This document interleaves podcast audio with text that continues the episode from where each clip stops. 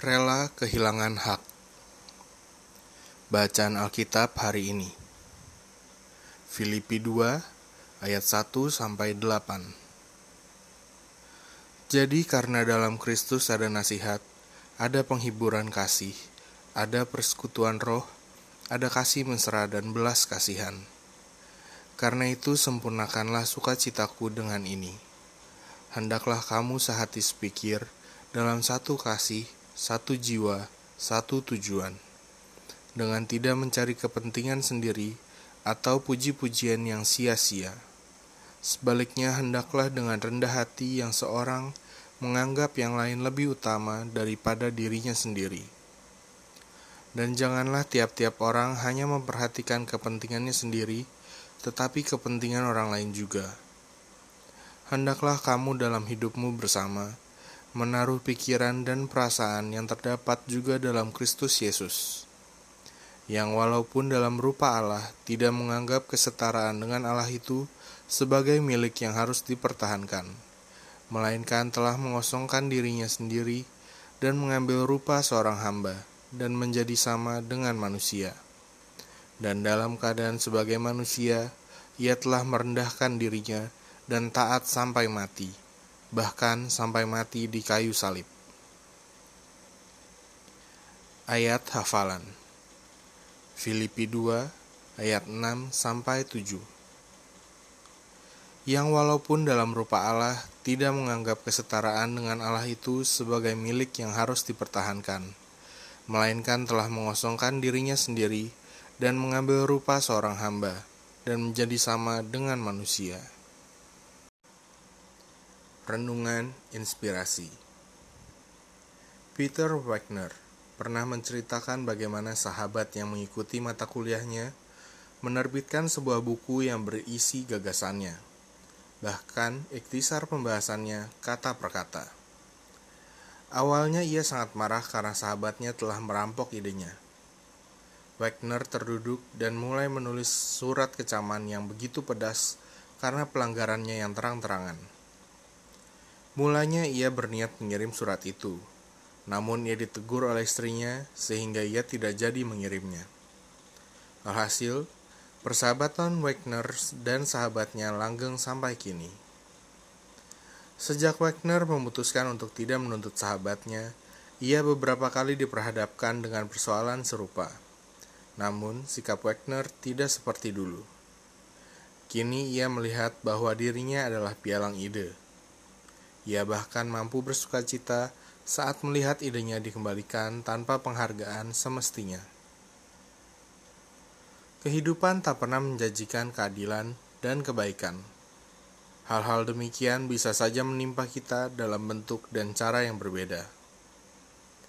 Bila diperhadapkan dengan situasi yang tidak adil, ego kita kerap ingin menuntut dan membalas. Secara daging, inilah naluri kita. Namun, Yesus datang dengan solusi yang berbeda. Ia bahkan telah menjadi teladan sempurna bagi kita. Demi kita, ia yang tidak berdosa rela merendahkan dirinya, tidak menganggap kesetaraan dengan Allah itu sebagai milik yang harus ia pertahankan, bahkan sampai mati di salib. Ia rela melepaskan haknya.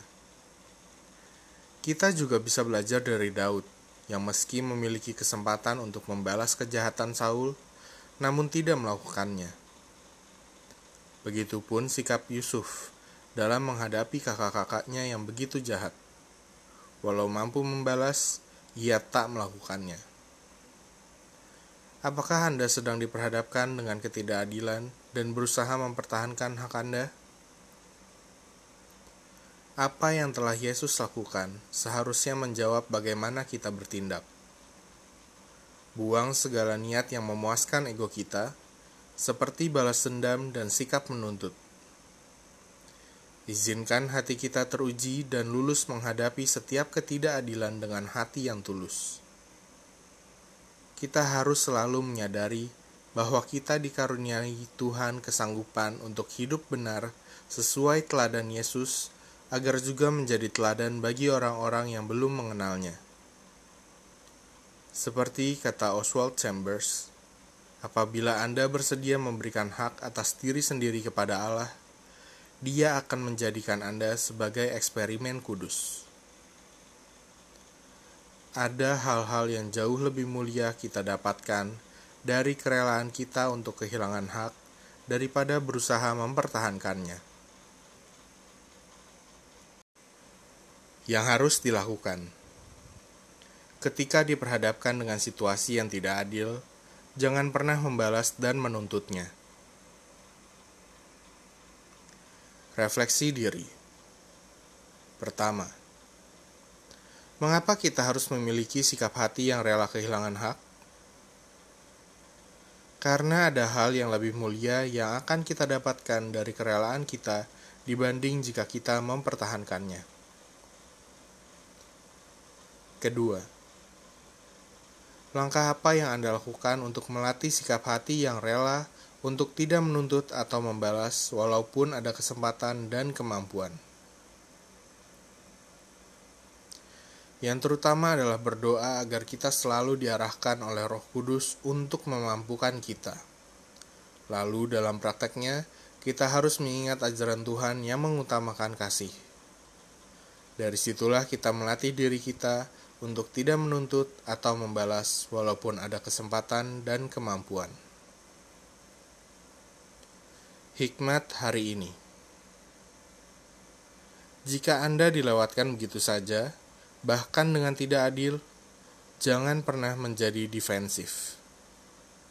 Peter Wagner Pokok doa